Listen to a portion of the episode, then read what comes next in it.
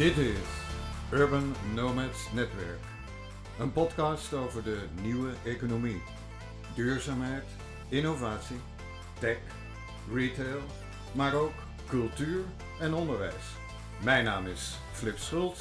Aan de knoppen zit Marijn Oostdijk.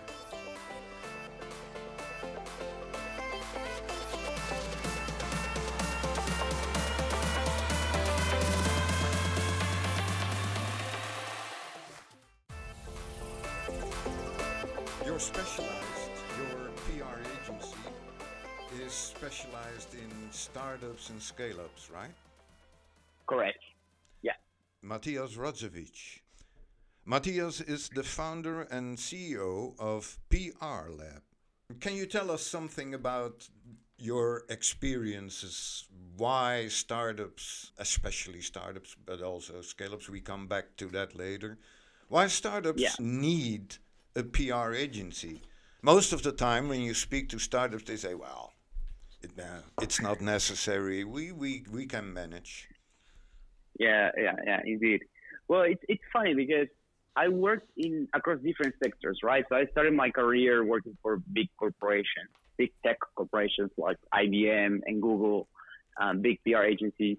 And then when I moved to uh, the Netherlands, I started working for like a small startup called Impraise, right? Hmm. And I really enjoyed the fast-paced dynamic. You know how things were happening really fast, and every every day is different, basically and there's a lot of challenges and you have a lot of responsibility and autonomy. And most importantly, you can move fast because you don't need to copy 20 people in one email and wait eternally to get a response and whatever. So that is on the flip side, that's something I really enjoyed. On the other hand, I realized that doing PR for a startup is completely different than doing it for a corporation. Mainly because uh, you are starting from scratch, nobody knows you, and you need to basically prove yourself all the time. You need to prove that you're valuable that you what you're doing is important you know um, so i kind of like came up with a way of working with the startups that to help them with their pr uh, strategy that is very different to when working with a corporation because you basically need to be very entrepreneurial about that pr you know you need to build relationships with certain publications you know you need to basically convince the public that you are important and that whatever it is that you're striving to, whatever change that you're trying to make is worth talking about. So how You do, know? so how does a PR agency like PR Lab attract the right attention for a startup? hmm Well, it's a mix of things, you know, like we normally go for a mix of uh, thought leadership and brand awareness, as we just discussed, and content creation to make sure that you start gaining weekly attention from the media instead of sitting around and waiting for you to tell us what is that we need to communicate or for news, waiting for news to happen. And that already is a big difference because we have a proactive approach applied to PR compared to a reactive approach. A lot of agencies which just tell you, okay, what is happening in your business so that we can communicate it. But truth is, as a startup, you don't have many newsworthy things happening in one year. Maybe you get funding, maybe you launch a new product, but chances are that's it. You Mhm. know, there's not much going on because you're building a solution, and most probably you're going to be very focused on building it. So that traditional approach, to the traditional mindset of PR doesn't really apply to what what is that you need. You need to be very proactive, and you need to create the news instead of waiting for the news to happen. And that's what we do with thought leadership and brand awareness techniques. You know, we create PR stunts. You know, we organize events that will be newsworthy. We create research reports. We conduct research and come up with industry reports that we will submit to the media to get media coverage at scale. You know, uh, we will do partnerships with different brands to come up with a story together, story pitch together. They will send to journalists to, start talking about the bigger discussion around your field and what needs to be changed and how are you changing it. You know, so it's a it's a different set of techniques, but they both belong to brand awareness and thought leadership, uh, uh, basically goals. You know. Do you have an example that that speak Yeah. that speaks to uh, the imagination of the listeners? Mhm. Yeah, well, I have a few, but I'm just going to give you a quick example. Uh, we were working um, over the summer. We were, we were working with a, startup called Studocu, that is a, a Dutch uh, uh, startup that is like an online educational platform for university students, Right. right? And they would just share documents from uh, classes with each other, you know, like um, notes that they would take, etc., to help each other study. So we first, as, as, we just discussed in the first section of the, of the podcast, we, we first help them to understand, okay, who are we speaking to as a brand? Who is at the forefront? You know, Hmm. uh, and we were talking to students. So we were like, okay, if we want to be relevant as a brand, we want to be the voice of students. We want to say, we want to denounce that the university system is broken because they're forcing students to memorize uh, things that they can easily find in Google. It's a very old-fashioned way of education, and we just want to we, we want to provide the new way of education that is this, the, the sharing economy of this, you know, and helping students to develop more like critical thinking skills, etc. So if we knew that the students were at the forefront of their audiences and that's what they wanted to do, we were like, okay, we want to represent these students. We want to be the voice of them. So we came up with a university ranking made by students, right? So we surveyed a lot of students all over the world through their platform about what, in their opinion, I mean, about so they would have to rate their universities on in certain uh, different categories, you know, and then we came up with the first uh, university ranking made by students, and we pitched it. Uh, we communicated uh, among the five different markets, like Spain, Italy, the U.S., the Netherlands, Germany, etc. And we gained a lot of coverage because we were just saying the traditional university ranking is made by businesses, and they never take into consideration what students consider relevant or important uh, of that university. You know, that's just one idea of one uh, PR done. So we created the news for them, as well as creating reports by surveying students of how they felt during the pandemic. You know, how they felt about their mental health, about their uh, financial struggles, about their job opportunities. Now that there was a huge uh, crisis going on, and we we're just pitching those results into the media as well. And those surveys, we were just doing it through their platform. You know, it was just like a pop-up window. Do you have five minutes for a survey? And then we'll analyze the, the, the data, put it, put it together in one industry report, and share it with certain media. And it worked really well. Great. Can you mention the name of the uh, company again? Yeah, Studocu. In the Netherlands, called StudeerSnel. How do you spell it? Uh, S T U D O C U. Studocu. Talking about best practices for scale ups. Mhm. Mm, Yeah. You mention a few in your book, The PR Mhm. Paradox, a book we highly recommend to everyone Thank- interested in public relations uh, for startups and scale ups. Tell me something about best practices for scale ups. Sure. Well, so the thing about scale ups and what makes, you know, there's, first of all, there's not much consensus about what is a startup, what is a scale up. You know, I heard a few months ago that Booking.com is still saying that they're a startup. I'm like, come on, you know? Um, so it's, it's quite subjective, the definition. Uh, but we work with both, right? We work with startups, early stage startups, I, I would consider startup these companies that are just starting that are less than five years old that have Series A of funding or like like like uh, maybe they have some angel investors, you know, but that's it. They don't have big teams, etc. Whereas the scale up is a company that is going abroad, going internationally. They have they've been in the market for more than five years. They have two or three rounds of funding, and we're talking about more than five or six million uh, euro in funding, for example, etc these companies have different needs because they've been already most probably getting some media attention in the past and then want to double down on that for different reasons. What I, I, I mean, I enjoy working with scale-ups a lot because they are a bit more stable than startups, you know, they, they start thinking or planning a bit more in the long, longer term, you know, mm. and um, the way of, and the reason why they would do PR is either because they want to enter a new market, for example, uh, and they want to make some noise around it, um, or for example that they want to um, you know do like a like a come up with like a PR strategy uh, that is like um, consistent across different markets as well you know and they want like for example PR Lab to manage their PR strategies across different markets you know.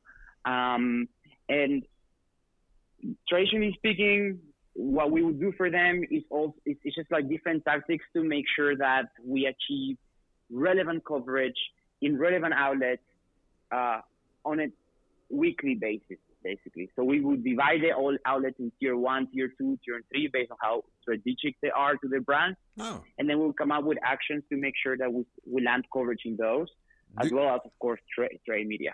Do you have an example of that too? A scale up. of the yeah um well for example let me think let me think well we help uh, office app is like a scale up of, of the netherlands to land coverage in germany to land coverage in um where was it like i think it was uh belgium as well like Siilo for example working with Siilo right now there is a a, a slack it's like a slack i don't know if you're familiar with slack but it's like a chat for doctors um to share encrypted data with each other instead of using WhatsApp. That was quite unsafe. And Siilo has presence not only in the Netherlands, but also in Belgium, in the UK, you know, in different markets of Europe. And we've been helping them to get traction, not only in the Netherlands, but in the whole Benelux region, as well as in global outlets for leadership reasons, you know. Uh, so we've been creating content about the future of the medical technology space, uh, and, and how does that look like? By creating trend speeds for like 2021, for example, how privacy is very, why privacy is very important. What hap- happens is like a lot of doctors still nowadays use fax machines to communicate with each other. It's crazy. So we talk about the importance of, of being more tech savvy, you know, and collaborating more in the medical space, especially, for example, during the pandemic, you know, because the Siilo enables doctors from different hospitals and different practices to create chats and communicate with each other about a particular, for example, case of a patient, etc. So we've been talking about those technological developments in the space and why they are so important from a thought leadership, but also brand awareness point of view Interesting. in, across different markets. Right. Yeah. Um, rounding up this uh, recording, uh, Matias, um, Mhm. you also founded a PR community um, with, I think now about 1,200 members. Correct. PR and marketing professionals, they get together to Yeah. discuss PR in this fast changing era every 2 Mm-hmm. months. Well, Correct. what, that's interesting. Why did you founded it, and and uh, what are your um, experiences un, up until so far? Well, well, I have to say that you are a big part of it, Philip, because you were one of our first speakers. Uh, so we get to uh, learn from experts like you. Uh, but basically, the reason why I founded it is because, um, you know, there was a big need in the PR world, especially uh, of PR professionals that work in the B2B or tech space, to connect and interact with each other. You know, uh, in a sense, the PR world is still quite old-fashioned. You know, I think like there is not this, um, you know, people are not that open or friendly with the idea of sharing a lot of the behind the scenes of their strategy compared to, for example, the growth hacking world, where they share a lot of like tools and hacks and spreadsheets that they made to Hmm. make progress. PR is a bit more conservative in that sense. And when I was working for the startup, I felt really uh, lonely, if you want say like that, because I was like, okay, I'm facing this challenge of getting a lot of PR and media attention for this startup, but like I would look up online and there was really nothing, and I would try to attend events, and all the people attending this, uh, speaking at these events were all from like big corporations or big agencies. They were discussing other things or like campaigns I wouldn't, I could not relate to because I simply did not have the budget or the big enough team to achieve those results. So I'm like, okay, there must be people like me out there that have the same struggles. So because I couldn't find it, I just made my own. You know, I'm like, okay, I created a media group. I invited uh, PR professionals from different startups and freelance to come and invited some speakers, and that's how it happened. You know, the first meetup we had 40 member attendees. The second one were like 80, and then it started growing and growing and growing. And the last one be- before Corona, we had 180 attendees. We had to rent a whole theater like the Boom Chicago in Amsterdam because, well, we just simply couldn't fit everyone anymore. so it got massive. Yeah, Great. yeah. And now, of course, because of the lockdown, we're doing webinars and, and um, Hmm. online masterclasses, basically. Oh, yeah. Um, if people are interested in uh, looking uh, up or participating in uh, the community, they can find it where? Yeah, they can uh, look look it up on uh, in, in Meetup, so they can go into Google and like PR Lab community, Right. and that's how um, the, the the the community will show up. Uh, and also in our webpage, PR Lab slash events, they will see everything. You might be thinking like, why is it called the same as agency? And I'm like, well, because the the agency started because of the community. uh, so the community was called PR Lab, the PR Lab community, and then the the community branch out to create the agency that we have nowadays. So rounding up, uh, Matias, um, the future of PR Lab. I was listening uh, a couple of weeks ago to an online seminar of Meltwater. You probably heard about Meltwater. Uh, Yes. and um, they were talking about the future of, of the PR business, managing reputations, managing risks. What is what is in the future? What what issues will be important? Well, I definitely think there is an issue of um, fake news, you know, and that is something quite important from a PR standpoint. And also the fact that the algorithms from a lot of people are, are sourcing their news from social media feeds. Now the question, the, the problem with the social media feeds is that they these algorithms they feed you what is that you want to see. Mm. So people ended up being trapped in loopholes, right? Of just being fed the same thing over and over again, and then therefore they're they become more, let's say, less objective and more biased. And as brands, you know, in terms of brand advocacy, for example, something that most brands are striving for, it's very important to, to know that people are becoming more and more and more segregated, right? Right. So that's, in my opinion, a big challenge that is coming up um, from a basically, let's say, PR standpoint. Um, but I have, uh, of course, more predictions coming up, uh, especially based on um, remote uh, remote work and and the importance of online and PR. Traditionally, we've been relying a lot of on events, you know. Hmm. So in the closer future, until we have the vaccine, uh, who knows when that's going to happen. Most events are still happening online, which means like you know press tours or press conferences or like you know these uh, events where journalists will come and test your product. Those are not going to be possible for a while. So we need to find a way to make them happen online, right? Right. Uh, which is also a big challenge, especially if you're in the B2C space. So yeah. So do you manage? Well, I think we got quite lucky with our industry because we are in the tech field, mainly B2B. So for us, in fact, many of our clients have been seeing like good results, you know, because they've been enabling remote work, remote study, remote, like, like all these like digital solutions. Uh, so we've been quite lucky, you know, ourselves. Okay. But indeed, it was, it was very difficult time for everybody. So Re- um, uh, t- Yeah. tell us about it.